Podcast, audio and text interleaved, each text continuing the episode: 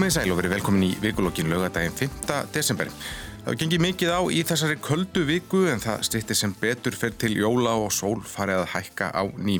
Gæsti mínir að þessu sinni eru þau aðalheiður ámyndadóttir, bladamæður á frettablaðinu, Árni Helgason, lögmaður og Hjálmar Gíslason, fórstjóri Gritt og Frumkvöðul. Verið velkomin öllsumil. Takk, takk. takk. Við skulum byrja á barna- og fjölskyldumálum. Ásmundur Einar Daðarsson, félags- og barnamálar á þeirra, hann kynnti í byrjun vikunar frumvörp í barnamálum sem miða því að gjörbilda aðstæðum barna og fjölskyldna þeirra ásmundur gerir þetta eftir að hafa sjálfur stíði fram í viðtali í morgunblæðinu og líst þær erfiðum uppvöxtir sem var litaðar af alkoholism á flökkulífi. Uh, Aðalhegur, þú er vantilega fylgst með, með þessu máli? Já, ég við þetta sögum frá þessu í blæðinu og vefnum okkar og fjöldluðum nokkuð ítarlega um þetta. Já. Mér finnst þetta líta bara nokkuð vel út hjá honum. Mm -hmm. um, mér finnst þó, við þurfum alltaf að sko, hafa í huga Þess, þetta, þessar breytingar sér eru náttúrulega tilkomnar eða má reykja það er svolítið til hérna upplöpsin sem varði í sambandi við barnavendastofi á sínum tíma og mm -hmm. Braga Guðbrandsson og það allt saman um, það sem ég finnst sko við megum ekki gleima þegar við erum að endur skipilegja uh, svona stóra málaflokka þar sem að mikil vandamál hafa verið að það er oft sko stopnanirnar sjálfar eða einhver svona, ég veit ekki hvort að kalla það stopnana viðþorf eða það er eitthvað sem að verður inn í svona DNA-inu á svona stopnunum sem að fjallum stóra málflokka mm. sem að er ofslega erfitt að ráða við. Ef það er á einhvern hátt orðið neikvægt, orðið neikvægt gagvart skjólstæðingum sínum að þá er, getur verið brjálæslega erfitt að snúa þið við. Hva, hva, hva, þá hefur það ekkert endilega með nýja lögjöf að gera. Nei þetta er búið að vera viðlóðandi tryggingastofnun í áratíi og, og hérna, útlendingastofnun og, og fleiri stofnanir sem er að þjónusta viðkvæma hópa mm. að það er eins og að verða eitthvað inni, sko þegar að eitthvað fer út af, af teinunum, þá er eins og að verða eitthvað sem er bara ofslega erfitt að díla við, alveg sama hvað fólk reynir að sko stokka upp alla lögjöfina eða, eða hvað það reynir að gera, að þetta endar alltaf samt í saman hnútnum. Nú er ég alls ekki að segja að það verði þannig í, í þessu máli hans, í þessum, þessum breytingum hans ásmundur einars. En þetta er samt eitthvað sem að mér finnst við líka þurfa að huga að þegar við erum að gera stóra breytingar. Mm. Að það er, er erfitt að eiga við, eh, ég veit ekki alveg hvað fyrirbærið þetta er, en mm. þetta er viðlóðandi margar stórar stopnarnir sem að eiga að þjónusta svona viðkvæma hópa mm. og hérna, við sjáum það bara í Noregi til dæmis, normin hafa verið í brjálaðislega vandræði með sín barnavendamál og þau mál hafa oft rata til mannreittindadómstóls Evrópu og það er út af einhverjum viðþórum sem eru innan stopnarnana hjá þeim, sko, það er ekki bara löggjöfin. Mm. um, En mér líst vel á þessar breytingar hjá hann þar sem ég hef séð, sko, þar sem ég hef skoðað. Mm. Maður kannski áttur að sjá fulla útfæslu á því sem á að gerast, en það er talað hérna um að, að samþetta kerfi og, og loka gödum í velferðarkerfinu, að, að, að falli ekki börn milli kerfa eins og stundum hefur gerst, en það er líka verið að tala um hennan fjárhagslega ávinning að því að það var alltaf að tala um að kostnar af áföllum í badna, sko, þessi 100 miljórar á ári. Hjálmar, hvernig, hvernig horfur þetta við þér? Sko ég hérna, mér fannst kannski umframvalt þessi þetta viðtal uh, hans ásmyndar einars uh, vera til mikill fyrirmyndar mm. og hérna uh, þetta var náttúrulega eitthvað sem maður vissi ekkit um hann og það er kannski hérna þó hann sé náttúrulega ofinbæð persóna sem maður hefur fylgst lengi með og það er kannski hérna svona sem að er mikilvægast frá mér séð í þessu er bara að koma þessu upp á yfirborðið og hérna Eh, við sem erum svo heppin að hafa ekki hérna, búið við svona barnæsku, við áttum ykkur ekki á því hvað þetta er eh, algengt og þau sem að búa við það, þau áttar sig heldur ekki á því. Og eina leiðin til að breyta því er einmitt að opna umröðinu og þetta sé ekkit eitthvað til að skamma sín fyrir og svo framvegis. Og ég held að það sé kannski sko, þetta eh, verðist að vera stort skref í, í þessari, hérna, þessum tillögum. Mm. en kannski var það stærsta skrefið sem var stíð að, hérna, að opna bara á umröðinu og og að við fáum skilning sem við svo sem höfum alveg haft í einhver tíma í tölum en sögurnar á bakviða eru síðan það sem að, sem að kemur því virkilega til skila að þetta er bara útbreytt vandamál sem að þarf að taka á. Uh, varandi tilhugurna sjálfar þá kannski held ég að, að hérna, uh, það sem ég tók eftir var þetta að það verði að setja uh, það verði að setja eh, badnið í fyrsta sæti og síðan samsæti er svona notenda miðið hönnun eh, og þetta kerfi eh, hljómar þannig að það hefði ekki verið þannig hingað til þetta hefði verið stopnað þetta hefði verið, mjög mikið hérna, aðskildum eh, aðilum sem að kannski að einhverju leiti þú veist, viljandið og óviljandið settu meira sín, sín hérna, sjónamið eða sína hagsmunni framar og badnið svona stundum kannski týndist í, í samhenginu. Já. Eh, þannig að það, fyrir mér er bara svo breyting á sjónarhól held ég að hljóta að skipta miklu máli mm. Átni, hvernig, hvernig eh, líst þér á þessar? Já, bara ekki tekið undir það sem að fram með komið manni fannst þetta bara fyrsta lagi mjög stert viðtali á ásmundi og, og hérna stert hjá honum að stíga fram og opna sér svolítið um það sem að hefur gerst í hans lífi og það setur svolítið í samhengi kannski hans svona nálgun á hann málaflokk mm -hmm. hann tók upp titilinn barnamálar á þeirra og hérna margir höfðu svona verið að spyrja sig var það eitthvað skraut eða var það eitthvað svona síndameska en, en maður er kannski svona átt að segja því að þetta er mál sem liggur, liggur svona honumdaldi nærri og, og hérna e, þessar breytingar eins og sagt er þetta er kannski átt að útfæra þetta nákvæmlega og allt það og, en, en hérna mér er svona sammála því sem að, að því tóku fram hérna með svona hugsunin í þessu tólti góð mm. og uh, þetta er, ef, ef eitthvað kerfi er þannig að það mægi ekki vera þannig að stopna þetta sé einhverju innbyrðis tókstreitu og því ég starfa náttúrulega lögmaður, maður þekkir þetta í alls konar kerfum að, að það er hérna oft gott að senda máli kannski bara hingað eða notandi náttúrulega látið hlaupa svolítið eða, eða borgarinn látið svolítið hlaupa á milli sko. Eh, það er náttúrulega ekki bóðið í, í svona málaflokki mm -hmm. og hérna við erum alltaf að díla við þá sem að kannski þá sem mest þurfa á þessari hjálpa halda eru alltaf bæði börn sem að geta kannski ekki, kunn ekki eða hérna formlegu ferla eða hvernig það er að bera sér til björginni og foreldra sem eru oft í mjög erfiðum persónlegum eh, persónlegri stöðu Já. og fylla kannski ekki eðublaðið alltaf rétt út fattiði, og, og, og þetta sko, vita kannski ekki nákvæmlega að beina erindinu hingað en ekki þangað og hérna, nú veit ég ekki hvort að þetta, hversu stórt þetta vandamál hefur verið en, en ég held að sé bara svona reynslum að allavega í að díla við þjóðupumbera það sé bara mjög gott í, í bara sem flestum málflokkum að taka svolítið þessa hugsun á þetta sko. er kerfið proaktíft, er það þú veist, er það hérna, sækja þau mál sem að þarf að koma eða er, er notnandin einhvern veginn alltaf í því að settur einhvern svona stjórnsýslu stig að leita einhverju aðstof sko. mm. Eitt af það sem að tekur eftir að við býðum auðvitað nánari útfæslu en, en að tala um að það verður svona kannski ekki eftirlit en, en þeir sem vinna með börnum, bara kennarar og fleiri að þeir svona fylgis betur með. Og það er í sjálf og sér þá kannski verið að velta aukinni ábyrði yfir á, á fólk sem starfar í þessum stjættum og svo heyrir maður líka í, í félagsákjum sem segja að það bara málaflokkurinn er undumannaður, maður heyrir ekki það vantar ennþá kannski svona tilfinnilega í þessa tilugur á að fjölga félagsákjum hjá barnavendanendum x mörg, mörg stöðugildi og svo framhengis. Það hlýtur að skipta máli. Já, það eru þetta alltaf grundvallar atriði þegar mann er að stokka upp kerfi sko, að hvort að það er veist, hvort að raunverulega alvar fylgi sko. mm. og það, fyrsta spurningin í því er alltaf sko fylgi fjármagn á að setja raunverulega, á raunverulega að setja fjö í þetta mm -hmm. af því að sko ef að það, ég menna það kostar það kostar, ef þú ætlar að setja batnið í fyrsta seti, þá kostar það. Það er alveg kristaltært, sko. Uh, að segja að það komi hérna 8 krónur tilbaka fyrir hverja eina sem að setja inn mm -hmm. í þetta sem er eflust rétt til lengri tíma litið því að þetta er óbúslega kostnað samt við sjáum það bara á sko hérna ég meina ef að þetta ætti að virka glimrandi og eins og upperlagt þá ættu við að sjá sjá þetta í bara lækkari glæpatíðinni og, og hérna og minni kostnaði fyrir sko félagstjónustu til fram, frambúða sko. Af því við bara sjáum það þegar við skoðum e, bara þá fangar sem sitt í fangelsunum í dag.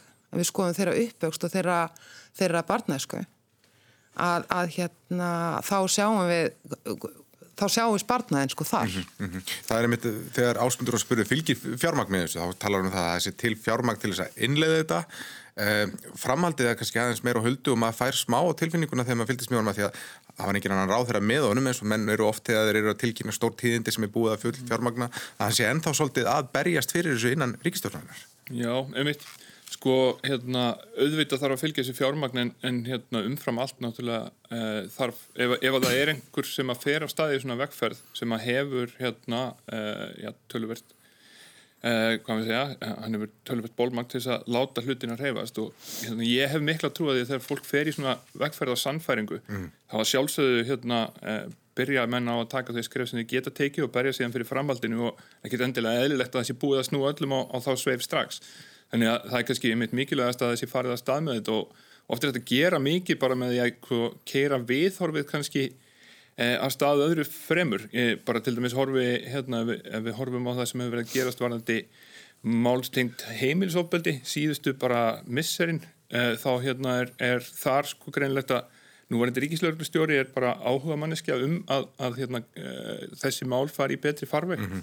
og ég er ekkit vissum að hún náttúrulega er ekki hérna, fjárveitinga vald en, en svona hefur náttúrulega einhverja leiðin til þess að til þess að stýra og ná í, í fjármagn en hefur samt greinilega komið þessi málaflokki mjög langt bara á innlægum áhuga Já. og með því að tala fyrir því þannig að það byrjar þar og ef það er gert nú vel þá koma peningarnir í góð mál mm, Svona bara, bara hefur. Þetta er kannski erfiðu málaflokkur til leiti að þótt að menn segir sko að þetta, þetta kostar x mikið og, og við spörum á því að fara í þessu aðgerir hvernig kemur þessu áspartnar í ljós það er eftir áratug og þegar menn eru í ja, aðstæðum eins og núna þá er kannski erfið um, við hugsaum ekki oft þetta land fram í tíman.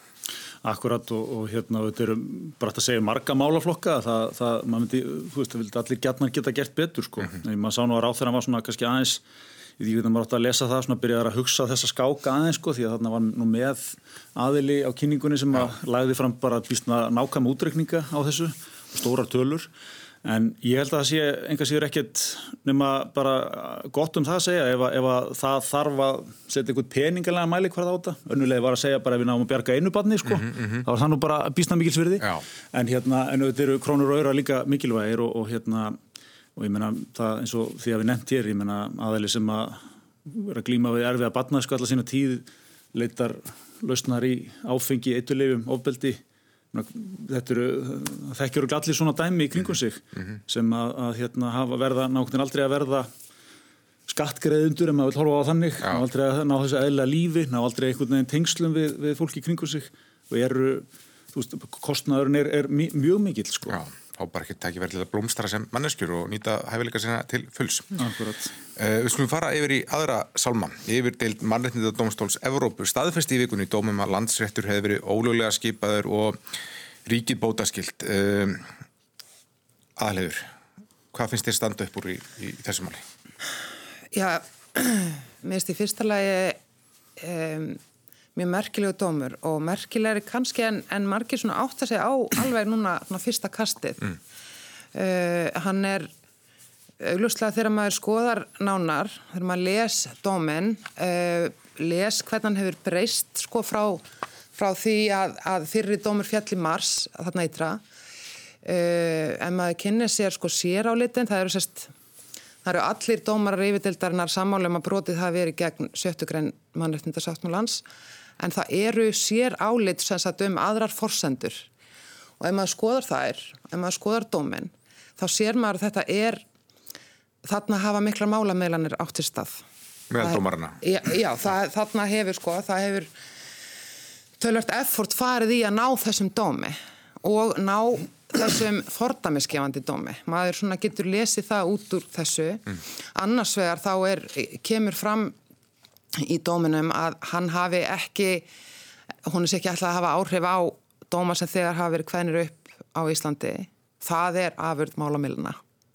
Eh, hins vegar sér maður í, í séraflitunum að það er ekki allir sammálu um að, um að menn hefur þurft að fara í þetta þryggja þátt að próf sem er það sem gerir dóminn fordamisgefandi. Mm, mm.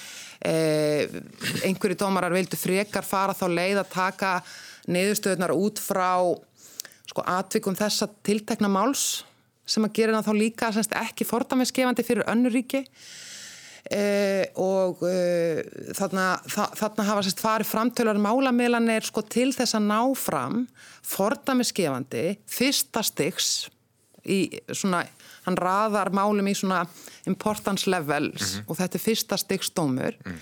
til þess að ná fordami um skipanir dómara í Evrópu í þessu máli og, og mann hafa lagt tölvist á sig Já. til þess og þurft að gefa eftir e, dómurinn sem slíkur er áhugaverður fyrir það það sem að, mér finnst hann sko sérstaklega áhugaverður fyrir og ekki síst bara í, fyrir okkur hérna heima er hvaða áhersla er lögð á alla valdþættina þrjá. Það er sko fyrsta fyrsta skrefið auðvitað er að sko er að hérna lýsa því hvernig eh, innlend lög voru brotin og hvernig sko broti er í báa við samningin með broti ráþera.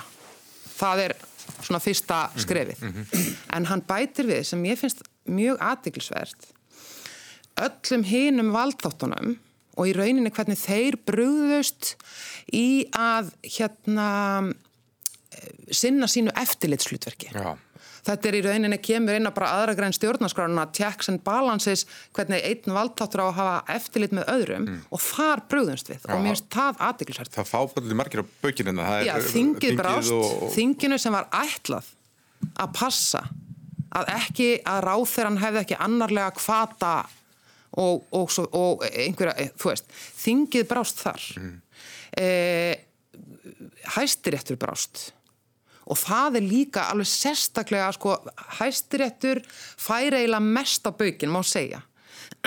Með því að leggja minni áherslu á mannreittendavend borgarna heldur en heldur en hérna einhverju svona rétt, réttarvissu eða ég, þú veist, mér langar að segja bara meðvirkni með kerfinu sko. Mm að, að hérna segja alltaf, jú, þetta var vissulega þarna brotið en, en hérna við getum nú ekki verið að kollvarpa öllu hérna, veist, þannig að hann svona hann læ, lætur brotin einhvern veginn slæta gagvart þeim sem að verður fyrir þeim og það blasir þá þannig við fólki að þeir, þeir sem að uh, í þessu tilviki til dæmis fengu ekki bætur, nei fengu ekki embætti, þeir fengu bætur mm -hmm og hæstiréttur viðkennir að broti það hefur verið á umsækjandum sem ekki fengu eitthvað tiltekið ennbætti en svo þegar einhver borgari verður fyrir því að dómari skipaður með ólöfumættum hætti á að dæma þeirra mál þá er það einhvern veginn ekki eins mikið issue mm.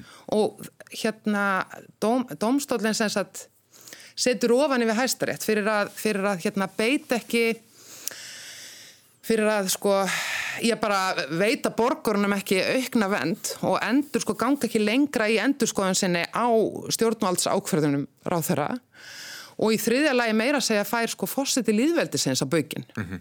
fyrir að hafa bara ummjög svona laust kvittað upp á allt Já. og þetta finnst mér sko lærdómurinn sem við eigum að draga þessum dómi eru hvernig allir valdþættir eiga að hafa eftirlit með hverjum öðrum og ekki skrifa upp á mannreittindabrót í meðvirkni. Mm. Átni fyrstu viðbröð dómsmálaráðara við þessum dómi voru bara að segja við, er, þetta, við þurfum ekki að bregast við þessu. Er það ekki doldið glannaleg? Já, það reyndar kannski blasir ekki við beint hvernig þurfum að bregast við þessu akkurat núna. Eh, náttúrulega við kannski reyfum þetta aðeins upp sko, dómsmálaráðara náttúrulega sagði þeir nú af sér, mm -hmm. Sigurður Ávandisen eftir að fyrir dómurinn fjall eða þessi, þessi dómur man, venjulega mannættið domstólsins, þetta veist, heitir yfir réttur, ground chamber. Uh, en hérna uh, síðan hefur það gerst sem er svolítið áhugavert að landsréttur hefur svona svo lítið beri ájabel, svona farið í svona innri leiðréttingu á þessum skipunum. Mm -hmm. Og endur skipa þetta þrjá af, af fjórum sem voru metnir ólega Já, það, það losnaði eitt ennbætti svo hefur einn af þessum dómurum hann sótt um það, einn af þessum fjórum og, og, hérna, og þá losnaði eh, það ennbætti og, og svo fannins Ástæðagreið Haraldsinni fyrir alltaf aftur í hæður Þetta er búið að vera, vera smá svona fjör í þessu en, en, en hérna má náttúrulega segja margt um hérna dóm. Ég finnst þetta líka sá vinkill í þessu að mannindómsluðin er auðvitað að ganga hansi langt svona inn í okkar mál mm. inn í okkar sjálfsákunar rétt um, um skipan dómstóla. Og ef maður kannski rifjar þetta aðeins upp þetta ferli að þá sko þetta uh, landsréttur stopnaður og, og byrjaði að skipa þarna 2017 og það er náttúrulega sett alveg sérstatt laga ákvæði um það hvernig eigi að standa að þessu. Og við höfum það, þetta hefur verið gríðarlega umdilt í gegnum tíðina hvernig dómar eru skipaðir. Og laga ákvæði fyrir landsrétt var gert úr garði þannig að það er sett upp þessi, þessi sótt um eða auglist, hérna, stöðunar auglistar og svo er þið matsnefnd sem færi yfir umsækjendur Uh, ráð þeirra svona bæri að fara eftir þeirri niðurstöðu að meginstefnu til en ef hún gerði breytingar þá er alltingi að samþykja þess mm -hmm. og þetta er svona ferli sem allir gengur til leiks inn í. Og þá má kannski segja að það reyndi á þetta allt saman. Uh, það sækja hérna yfir 30 manns um þetta. Allir metnir hæfir en dómnefndin fer síðan í þá sem að dómnefndir eh, gerir það sem dómnefndir er fannar að gera dóltið að, að raða þeim upp frá einum niður í 33 mm -hmm. Og oft með svona ansi litlu mun, það er hérna menn er á þriði og fjóruða aukastaf sko eftir í hverju lendir í, í sæti. Eða Það hefur líka verið rivið aðeins upp núna að, að, að þetta var þetta umdelt mál á þingi, e, það var ekki bara dómsmálar á það, það var þetta líka viðreist sem hafði hérna, ákveðin sjónamið, jafnbrettis sjónamið, e, niðurstan endan á þannig að þetta voru tíu kallar og fimm konur, e, það var verið að kalla eftir því að það er eitthvað jafnvægi í svona starfsreynslu og fleira e, úrveru þessi niðurstaða að það eru gerað fjóra breytingar og alþingi samþykir, samþykir þetta. Mm. Þessir fjóri sem voru færðir hérna niður ef svo morið komast, þeir auðvitað láta strax reyna á þetta. Þeir fara í mál og óska fyrstulega eftir ógildingu á skipaninni og svo bótum. Eh, og hæstiréttur er sem hafnar því að það er ógilda þessa skipan og fer í það sem er svona ákveði líkilatri málur að þeir segja, jú þið sem umsækjendur, þið voru færðir niður og skort upp á raukstunning og, og fleira hjá ráþæra og þinginu fyrir því, þið er rétt á bótum en öðruleiti teljum við skipanin alveg rétta og lögmæta. Og þetta er einhverjum saman nýðust og hæstiréttur tekur í máli þessa ágæta manns, Guðmundar Andra sem að, hérna er, var að svona prófmáli í þessu tekur þetta mál fyrir og fer nokkuð ítali gegnum það að, að, að hérna, skipanin hafi verið alveg eðleg hún var kláruð af, af ráþeira alþingi og hæstiréttur þá er einhverjum líka búin að búin að segja að það var uh, skipanin eðleg og landsréttur er ekki sko bara fortakslaust. Ef einhver af þessum fjórum dómurum er inni eh, ekki ó, ó, sest, í einhverju lögbróti eða mannreitindabróti eða bróti gegn réttinum á réttlátri málsmeðfyrir og svo framvegis. Mm -hmm. eh, Mér finnst mannreitindadómstólinn svolítið nálgast málið þannig að hann velur þann hluta á niðurstu hæstaréttar sem segir að það er bótaréttu til staðar því að skorta á raukstunningur á þeirra fyrir þessum breytingum. Eh, gerir þetta sér matur þeirri neðustöðu horfir hins vegar fram hjá því sem að, hæstirittur hafi sjálf og sér okkar, okkar domstól talið þess að skipan alveg í lægi heimfærirun úr þetta brot síðan yfir á domstólinn í heilsinni og segir í domnum sem kom í fyrra það var líka að skilja hann öðru sem það að ef einhver af þessum fjórum dómurum sem voru færið hérna upp ef komast ef einhver af þessum fjórum dómurum hefði komið að dómi þá væri í því falið brot á málsmeðferð, eða eh, hérna, sjöttugrein mannættinssáttmálans. Dregur það svolítið tilbaka, fannst mér, í þessum dómi. Mm. Tekur allt í einhvern veginn fram að ríki það sem ekki skild á ríkinu endur upptaka mál eða neitt slíkt. Og ég veit ekki alveg, og þú segir kannski hvort þetta sé ykkur að málamillanir og výlingar og dílingar, en, en það var svona eh, miðað við hvað dómurinn er á köplum harður og kvass, þá fannst manni þessi niðurstaða svolítið skrítin og ég veit að hún verður, er sannlega umdeilt sko. Mm. Það verður sannlega alveg látið á þetta reyna hvort að hvort að hérna, það sé að kvitta, kvitta svona út. Já, sko. En svo ég komi rétt aðeins að bara, já, hinn eðlilegu viðbröð sem kannski sem myndur blasa við, það er vantilega bara að segja að við erum aðeinslega að maður enda samfálunum og við þurfum að koma í veg fyrir að svona endur takki sig. Mm -hmm. Þannig að hefur það ekki svona verið þinn eðlilegu pólitísku viðbröð eða hvað hjálmar?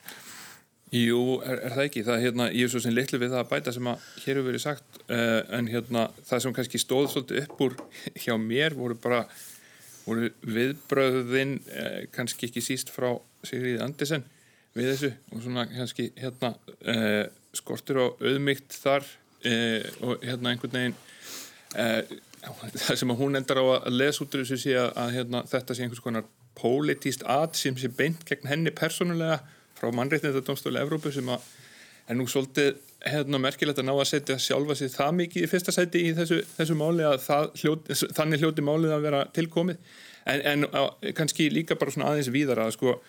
Það er svona, um, það er ymmit eins og þú segir viðbröðin er ekki bara, herru þetta er, veist, þetta er alvarlegt, við þurfum að taka þetta í skoðun eða eitthvað heldur svona meira bara svona eh, hérna aðeins að, að svona, eins og vatnstökku af, af gæð sko að svona, þetta er, þú veist svona svolítið verða bara, hérna ok, við höldum bara áfram Mér finnst þetta líka sko uh, viðbröðin hafa verið uh, sko þeir sem að segja við þurfum ekkert að breðast við mm. og hérna við myndum taka þetta skoðan og svona ja, það má vel vera að það sé að einhver leiti er rétt þar að segja að hann kalli ekki á þú veist bótagreislu til þessa eða, eða hérna, endur upptöku á þessu eða neitt, neitt slíkt en það er algjörlega kristaltært að allir valdþættir íslensk ríkisvalds þurfa að læra mm.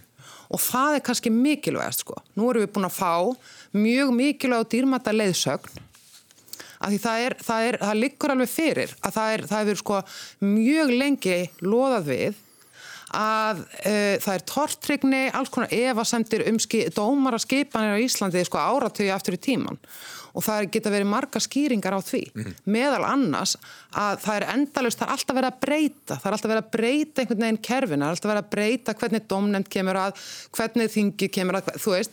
Og fólk verður bara að ringla þegar það er engin stöðuleiki að, hérna, að þá verður fólk ringlað og það kemur einmitt fram í dóminum að, að hérna tortrygni og evasemtir eru líka hættulegar sko. mm. bara það að fólk hafi þær mm. en það sem ég veist aðteglisvert við viðbröðin líka er og það er svona, svona glittir í það hjá ótrúlega mörgum ekki bara hjá Sigrið Andersen fyrirvændi dómsmálur á þeirra, heldur hjá ótrúlega mörgum að gera svona eins lítið úr dómsmálum bara það að segja við skulum nú hafa það í huga og ég ítrekka eins og ráðamenn hafa tekið fram að dómurinn og dómar mannreittadómstólsins hafa ekki bein réttar áhrif á Íslandi. Hafa ekki, það er ekki mannreittadómstólsins að tólka íslensk lög. Hann breytir ekki dómum hér og dómurinn hefur ekki bein réttar áhrif þetta er kannski svona stramt til tekið alveg rétt en er villandi. Það er villandi að bregðast svona við þessum dómi mm. vegna þess að þá fyrir fólk að hugsa býtu skiptir þetta þá engu máli. Mm. Mannreitt dómstallin hefur það hlutverk að tólka mannreitinda sáttmála Evrópu sem að við hefum ekki aðeins aðelda heldur hefur hann verið lögtekinn á Íslandi.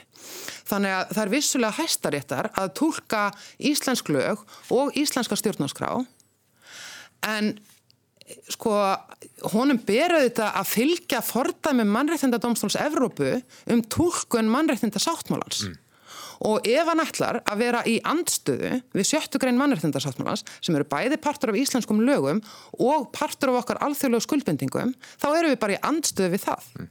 um. og það, það, skiptir, það skiptir verulegu máli mm. þegar menn er að sko halda þið fram að við séum ekki bundin af þessu að íslenskum rétti, mér finnst þetta bara vera það sem ég er að segja, af því það er ekki allir íslenski borgarar e, mentaðir í lögum að þá er þetta svona villandi inn í umræðina menn þurfa að tala með einhverju skýrar og vera skýrari um þýðingu þessa fyrir okkur Íslendinga. Það hefur lengi verið tekist á um dómarskipanir og eru við búin að færast eitthvað nær því hvernig á að gera þetta án þess að það verði mjög, um mjög góð spurning og góðu punktur sem að þú nefnir hér að, að, að, að þetta hefur verið svolítið hringil á hvernig kerfið er í kringum skipanirnar Eh, til að byrja með var, var ráðferðardaldi með þetta vald hjá sér. Mm -hmm. eh, í setni tíð hafa þessar domnendir fyrir að taka til sín svona kannski meira plás eh, það er eh, í þessu tilfelli hjá landsrétti þá var eh, farin svo leið að ef við skipan landsrétt að, þingið hefði aðkomu. Og við þurfum auðvitað að velta þetta skiptir auðvitað líka svolítið miklu máli sko. Og mjög, einhvern veginn held ég að Þannig að ég þykist alltaf náttúrulega að hafa svarið hér en þessu, þessu stóra, þessari stóru spurninga held ég að sé nú uh, líkilatrið að blanda þessu eitthvað leitið svolítið saman. Það sé ekki einhver einn aðili í kerfinu, hvort sem það sé domnemnd sem að hefur skipið miklu fagfólki og efastengin um það að þeirra yfirferð á, á umsækjum sé góð en, en það eru hins vegar svona andlitslaus nemnd mm. sem að engin veit einu sinni hverjir setja í en, en hafði þó þetta mikil áhrif á, á skipan landsréttar að, að hérna að þessir, þessar engunir með aukastöfum eila reðu niðurstöðin er svo móri komast í þessu við erum að sjá það í raun og voru keira í gegnum allt málið upp í, upp í hérna, mannendastól er það eðlilegt fyrirkomulag? býður það ekki, ég, ég bara þekki það sem bara fóreldri í, fótbolta sko að það er ekki að koma sér saman um liðskipan í, í sjöttaflokki sko hvenna, þannig að það valdi deilum og, og hérna ásökunum um hitt og þetta sko eh, maður getur ímyndað sér hvernig það er í, í svona málum sko, mm. að hérna að allt sem gert er byggir á eins og þú segir kannski málamiðlun, samkómulagi einhver veit að þessi er nú góður og þessi svona, já já og eitthvað. Er, er gott að þetta fari inn í einhverja nefnd sem að maður veit svona kannski voru lítið hvernig, hvernig þetta virkar? Er gott að ráð þeirra sitt með þetta aðleinn og, og hérna það eru auðvitað gallar á því? Eða að fara að fá þingið að þessu Um, þessi aðkoma þingsins svona kannski ég má segja hún hafi ekki tekist neitt frábæla til þarna en, en mér, þú veist það er náttúrulega gert við það við sjáum til dæmis í bandaríkjunum þar sem að útnefningar eru reynda bara rampolítískar mm -hmm. og menn er ekkit að fela það neitt. Bara eða svona fórsýtti og fáið svona dómar á Já, ég held að við viljum ekki fara inn í það en ég að segja sko, þú veist, þar er, þar er samt farið alveg, menn er óhættið að fara með þetta í þingið og jafnvel kalla dómarefni til og fá þeirra afstöðum hitt og þetta Sé, ég ætl ekki að þykja störum með lausnin en ég er ekki, ég er ekki vissum að, að, að það velji einhvern einn af þessum póstum og treysta algjörlega hans sé, sé svarið og bara svona nefnaða líka, hafa alltaf aðeins þá líka tilnæmdi tveir hæstaréttadómara núna bara á dögunum, Já. tvær konur upp í hæstarétt og, og bara mjög flott ráðning. Þar, þar var matsnefnd starfandi, hún endaði að meta alla sex umsangjutur jafnhæfa. Já. Heldur þessi afleðing af þessu? Ekki, ekki upphafið hún, ekki, ekki akkurat og, og það sem að gerist þar sem er aðdeglisvert er, er að það er tvær konur sem að fengu uh, skipununa í hæstarétt voru ekki í hópi þeirra hæfustu þeirra fyrsta fyrstu drög að domnendur alveg komu mm. að hérna og þá var byggt á uh, byggði nefndin á dómara reynslu á, á, á reynslu af því að sitja í dómi og, og hérna, semja doma og þær tvær sem að koma úr háskólaungverðinu og eru profesorar í lagfræði voru með minni dómarreynslu en aðrir og voru ekki metnar jafnhævar mm. uh, þar þar hérna er fram, komið fram sem sagt andmælum við þetta á þeim grundvelli meðar annars að hæstiréttur er ekki þessi moksturs domstóll eins og hérastómarnir og, og, og, hérna, og landsréttur sem er bara að taka mál á færibandi heldur er, er hann að mætlað að vera fortámiðskefandi taka færri mál og taka svona ígrundari og fortámiðskefandi neðustöður mm -hmm. og þess vegna sé eðlilegt að hafa svona fólkur akademíunni þar með og þær, þær hlutu skipun. Ég, ég held að sé sko eh, ég held að væri mjög gaglegt fyrir okkur að taka bara góðan tíma í að ræða opinskátt um hvar við höfum farið út af spórinu í þessu mála, málaflokki. Ég meina það er ekkit, er ekkit launungarmál að það hefur verið, það hafa verið miklar deilur, Já. ekki síst á bakvið tjöldin Einmitt. um þessar eh, domnemdir og, og alls konar sko í rauninni stríði gangi á milli ráð þeirra og sko Markusar Sigurbjörnssonar dómaraklíkunar og ég minna þetta þú veist þetta eru bara, það, það mallar þarna undir sko. Innan sveitar kronika já, gríðarlegur ágreiningur um hitt og þetta. Já, ég ætla að segja, uh, setja punktin við, við uh, landstóm, er landsréttiríkið og maður er domstólinn hérna og uh, eða voru að koma viðtækjanum þegar að hlusta á vikulógin, gesti mínir eru Hjálmar Gíslason aðalheður Ámyndadóttir og Árni Helgason. Um, Hjálmar, ég leiði lögfræðingunum svolítið eiga orðið hérna í þessari en um, Þau ánægluðu tíðindi hafa búist að þróun og bóluefni er lengra á komin heldur kannski flesti þorða að vona. Þetta er þið komið svona langt uh, á, á, á þessum tíma. Bretar eru þegar búin að samþykja að, að bóluefni frá Pfizer og, og við erum bara að horfa á næstu viku með mánuðum að það veri farið að dreifa þessum um alla heimsbyðina. Mm -hmm. En maður heyrir efasandarættir. Sumur eru tvístigandi. Það er ekki komin, komin, komin reyn, reyn, reynsla á þetta og þú var svolítið að fjallum þetta hvernig á, á bara Facebook síðunni hvernig við eigum að ja, nálgast þetta? Já, einmitt, sko hérna e, það er náttúrulega kannski bara fyrsta það er alveg eðlilegt að fólk hafi efasendir, þar með er ég ekki að segja efasendinar er rétt á sér, en það er alveg eðlilegt að þegar eitthvað gerist, hérna, þetta gerist óeðlega hratt, e, það eru miklu hagsmunir undir, það er auðvelt að trúa alls konar einföldum skýringum á því að það sé verið að fara einhverja steytri leið hérna og, og svo framvegis en það er eins og mjög mikilvægt að, kynna sér málinn grundikt og, og hérna eh, að því eh, gerðu þá hérna erum við, segja, við svona hérna sem erum leikmenn í þessu hérna, erum öll í þeim hópi við erum náttúrulega bara svolítið í, á þeim stað að, við þurfum að treysta því í þessu, þessu tilfelli að það eru kerfi mm -hmm. það eru kerfi til staðar sem eru skipuð hæfasta fólki annars vegar til að búa til þessi efni en hins vegar líka bara í að, að veita þeim leiði til dreifingar og, og fara yfir gögnin sem kom út úr prófunum og svo framvegis mm. og kannski eitt svona leikil munur á þessu og mörgu öðru er náttúrulega það verið fyrsta lagi allt verið, þetta hefur ekki verið skortur á fjármagni, það hefur ekki verið skortur á, á því að það eru öll lifjafyrirtæki í heims að, að keppast við að, að ná þessu marki eins hratt og, og mögulegt er einfallega vegna þess að bæði það er það rétt að gera en það er líka einhverjir hagsmunir í húfi fyrir, fyrir þau.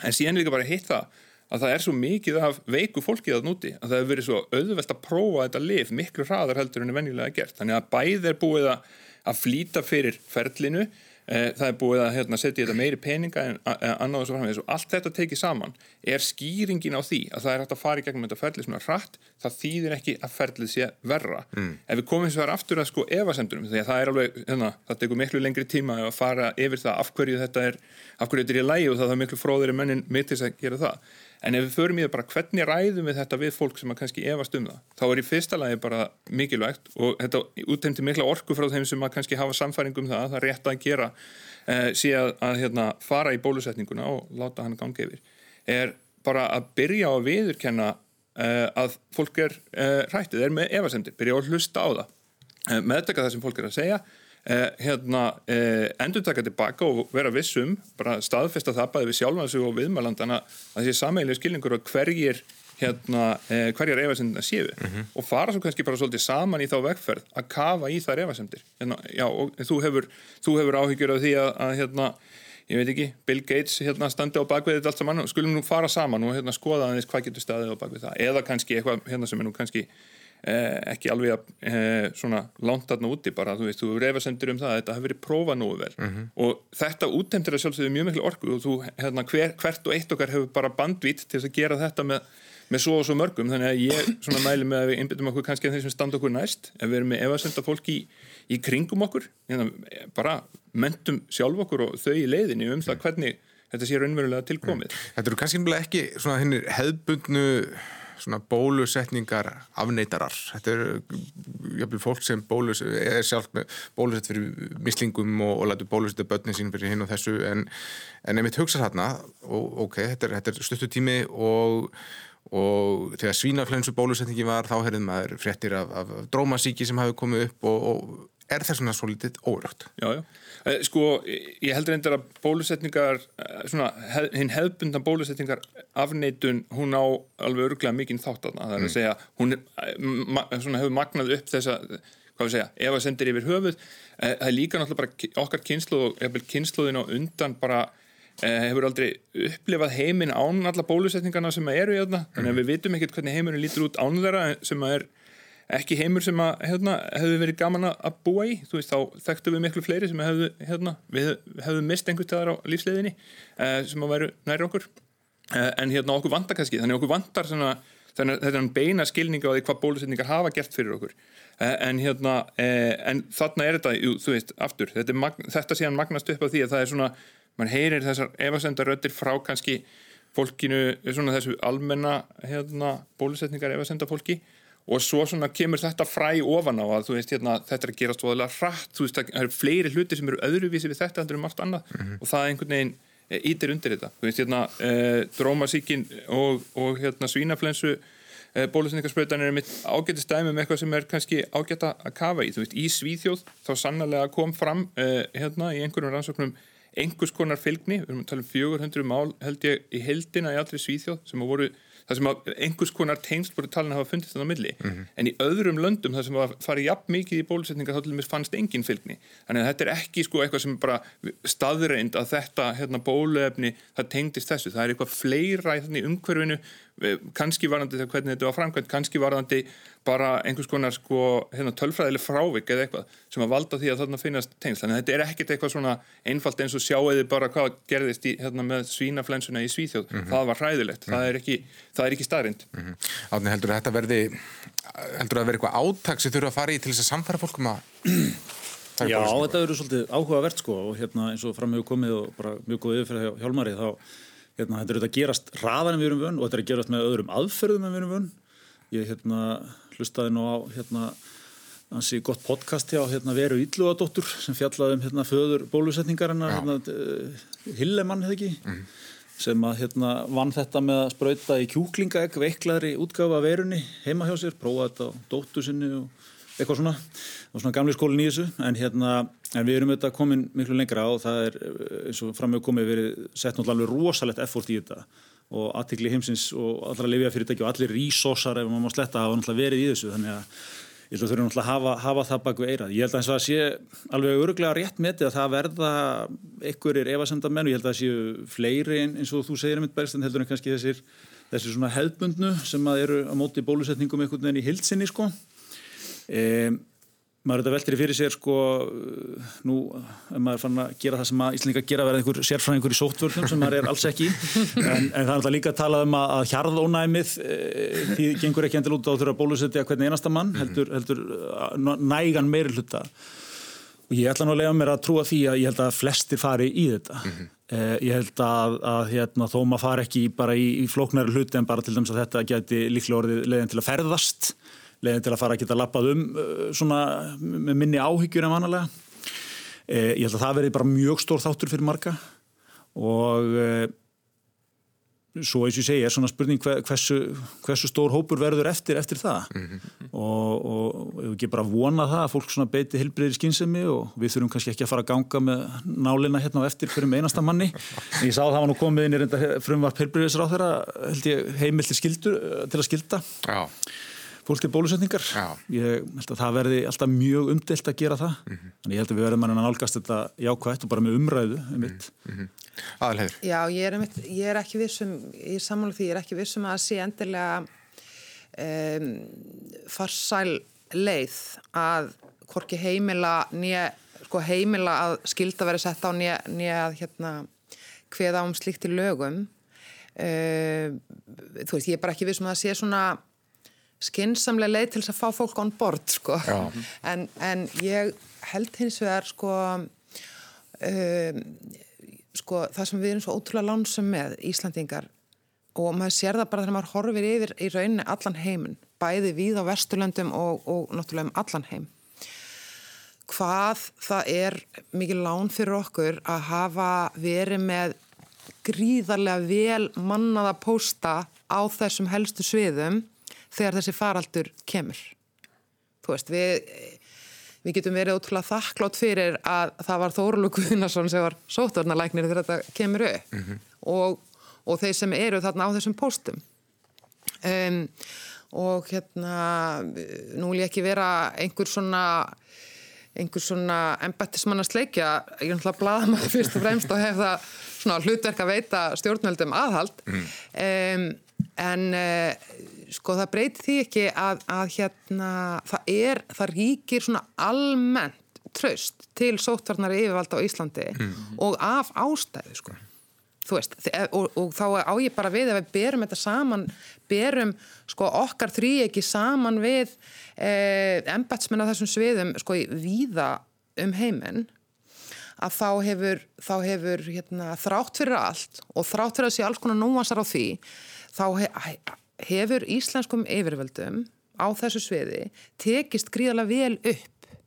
Og ég held að margir sko meti sko þessa bólefnis umræðu svolítið út frá því. Mm, mm. bara ég ætla að leggja mitt traust á Þórólf. Ef að hann segir þetta sé lægi þá fylgir ég því. Ég, ég svona ímynda mér það svolítið sko. Mm.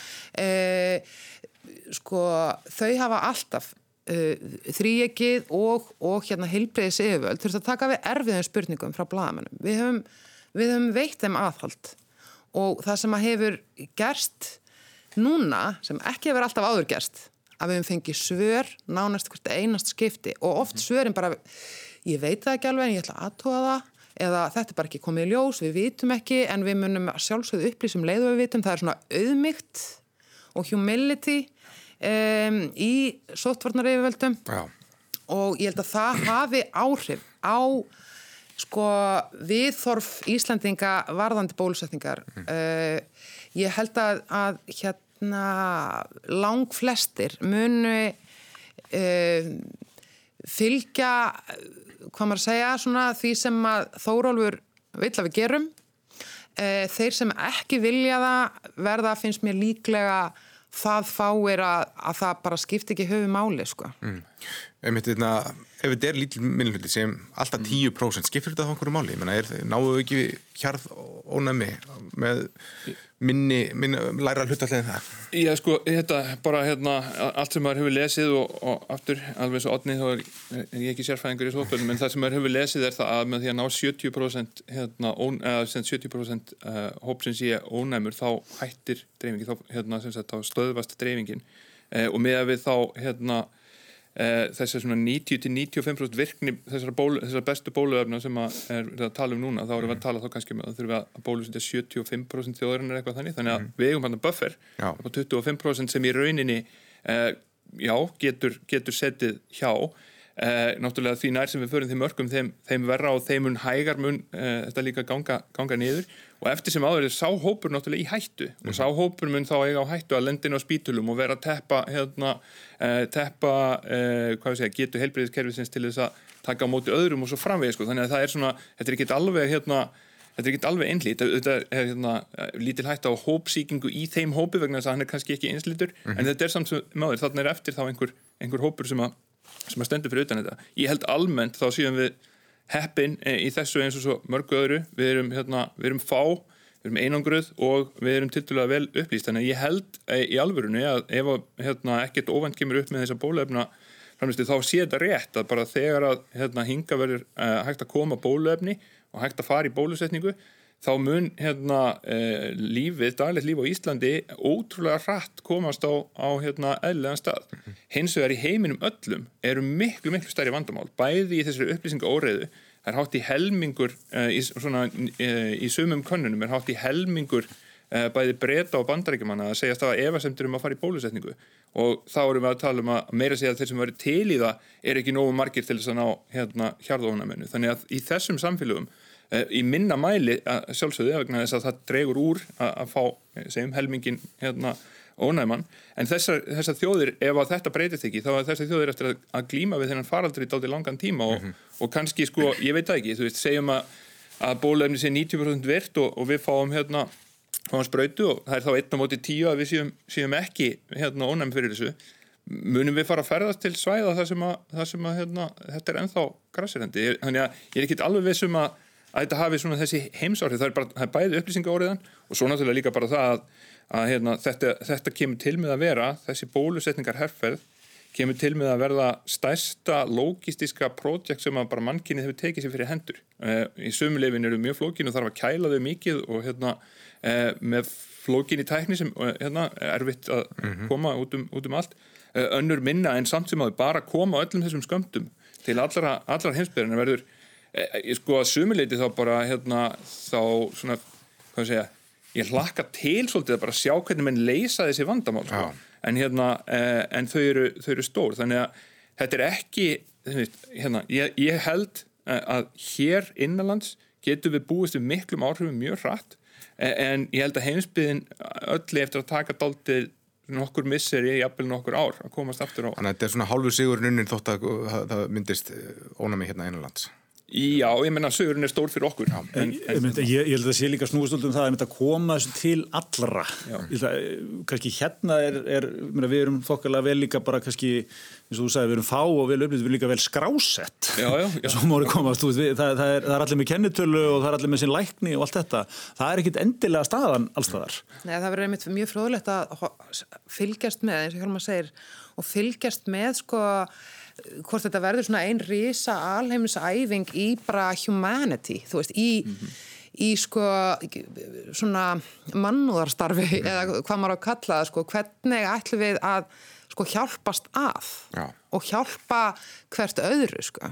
Við ekki bara sko kostnaði bólefni sjálft og, og hérna hjálpa til við að fjármagna það fyrir sko fátækaríki mm -hmm. heldur einmitt þessa vinnu Já. í risa stórum sko vanþróum ríkjum sem eru gríðarlega strjálbíl til dæmis hvernig ætlum við að fara að, og það sem er sko verri infrastruktúr og, og innviðir slæmir og svona að það verður mjög fróðlegt að að fylgjast með því sko, hvernig sko, mannkynnið sjálft Jú. ætlar að hjálpast að við þetta og, og, hérna, og hvernig það mun svo mögulega og vonandi sko, hafa jákvæð áhrif bara inn í framtíðina bara í alþjóðasamskiptum og ég held að þetta sé mjög ekki bara aðeins að þetta hafi verið merkilegu tími sem við hefum upplifað heldur er hann líka framöndan Já.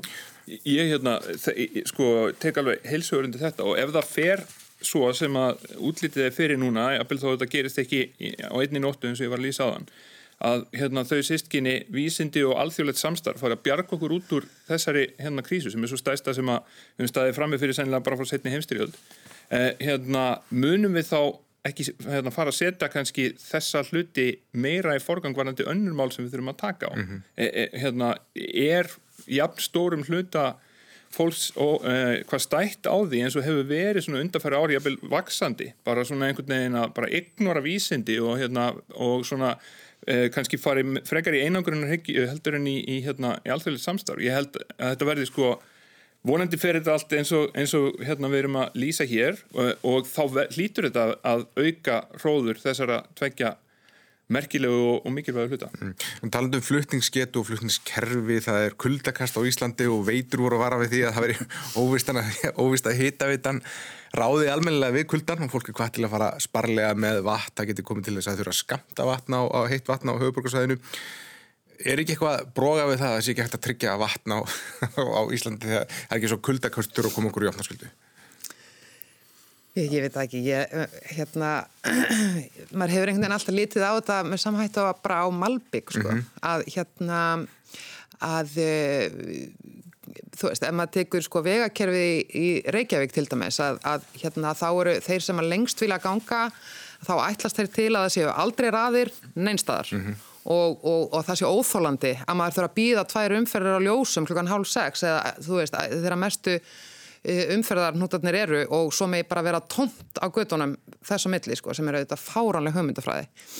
Þannig að, að hérna mann finnst auðvitað svona líka einhvern veginn skrítið að þurfa að vera það mikil sko flutnisketta og það mikið heitt vatna að það anni bókstaflega nákvæmlega hverju sem er sko. Það er svona þú veist, en auðvitað er það svolítið framandi að, að hérna fyrir mann að, að þetta geti verið staðan Já. og ekki síst í ljósi þess að ég er ekki upplegað neitt kulda það er svo skrítið ég, ég hérna, þú veist en, en ég er ekki að sjá, ég sé einhvern veginn ekki fyrir mér að við getum tekið samtaka átaki því að spara heitt vatn, við erum mm. bara of vönuði einhvern veginn að geta látið allt vera bara á blúsandi og okkur sínist ég... Þeir sem eru með pottir, allir pottir bara saman hvað hva, hva Já, já, ég er spennt fyrir að fylgjast með ennska boltanum í dag, af því að þeir hafa alltaf verið með þarna auðlisingar hlénu, heitupotta auðlisingarnar ég er spennt að vita hvort þeir taki kannski hljé frá þeim í dag. Það er náttúrulega sögudorgun,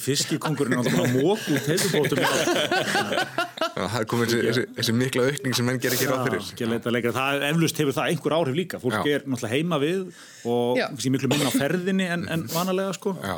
Eh, þannig að hérna, eflust hefur það einhver áhrif og, og hérna, já já þurfum við ekki bara fari gegnum þetta með brósafur Ég held að við komum fram í fréttum í morgun að það hefur verið 11% meiri nótkun á heitu vatni yfir höfuð á þessu ári heldur mm -hmm. en þarna hinga til sem er einmitt eins og þú þetta nefna sannlega því að fólk er, það eru öðruvísi nestlumunstur á einhverju, einhverju, einhverju leiti Ég er aðalega bara hérna, ég er aðalega bara forvitin að vita hvar sko í hverju þetta liggur, því að það er, hérna, það er alltaf verið að segja okkur að sé nót til að heitu vatni upp á helliseiði sko, þannig að þú veist, hérna, og það ég veist ekki um það, maður, hérna, maður, maður hérna, tristir því og veit það eiginlega bara með því að maður fara þangað.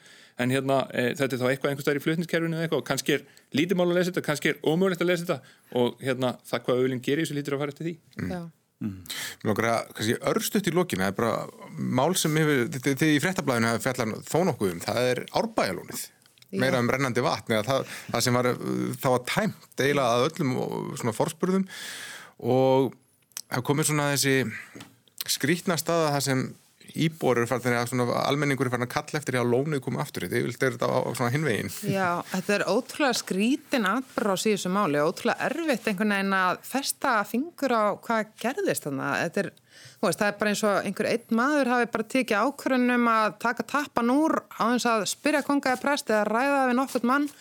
Eh, maður hefur nú ekki mikið séð sko svona viðbröð frá sko borgarfulltrúum eða, eða, eða kjörnum fulltrúum eh, sko nema bara það að var ákveð að setja upp einhvern stýrihóp eftir á mm -hmm. til þess að sko fara í einhverja mótvæðis aðgerðir eh, vegna áhrifa þessa en þetta er ótrúlega fyrðuleg sko það er bara erfitt eiginlega að segja á finnst mér sko atbyrðrásunni ja. og af hverju bara tappinni tekinn úr á þess að ræða það við kongaða prest eða, eða, eða neitt sko. Ég get sem þess ekki séð að það hefur verið tekin ákvörðun þetta í stjórn orkuveitunar, uh, borgastjórnin, sko borgafulltrúar algjörlega einhvern veginn dasaðir bara, veist, þetta kemur svona bara eins og braggamáli eða einhver önnumál bara ha, mm. hvað Þetta er svona, þetta er svona út frá íbúalýðræði, þetta er kannski verið að kjósum hvort að megi setja upp einhvern vasshanna þarna í, í, í en, en svo er það bara, þessi, þetta er einn svona náttúruperla borgarinnar.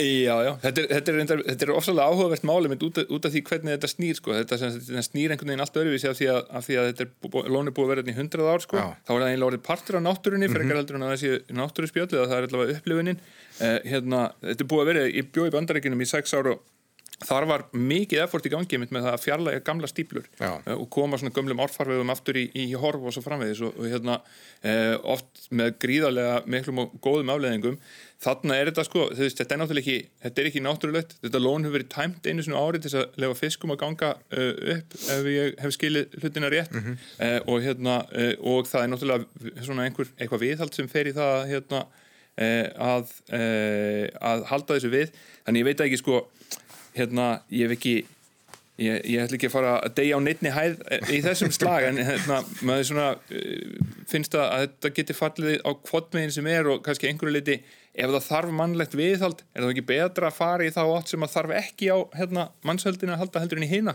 En þú veist hérna kannski er þetta einmitt spurningum þú veist hérna einn mann, eh, einn dag einu sinni á ári og þá er þetta kannski allt í lægi sko Það sem, það sem mér var líka svolítið áhört er það sko að það, þeir, þeir ætla að tæma lónið en, en svo er sko stíplan, hún er hann friðuð og rörin og stöðin þannig að það, það, mikil, fer ekki sko Nei, og það er mikil uppbygging í, í, í gangi þar sko. Stíplan sjálf friðið. Já. Er það ekki bara stöður húsið? Ég held að stípla sér Nei, ég las í fréttablaðinu. Þannig að hérna, ekki lífur það. En við skulum, setja, já, við skulum setja punkt við þetta bara örstu til lokin. Hvað á að gera um helgina? Átni? það er bara heima við.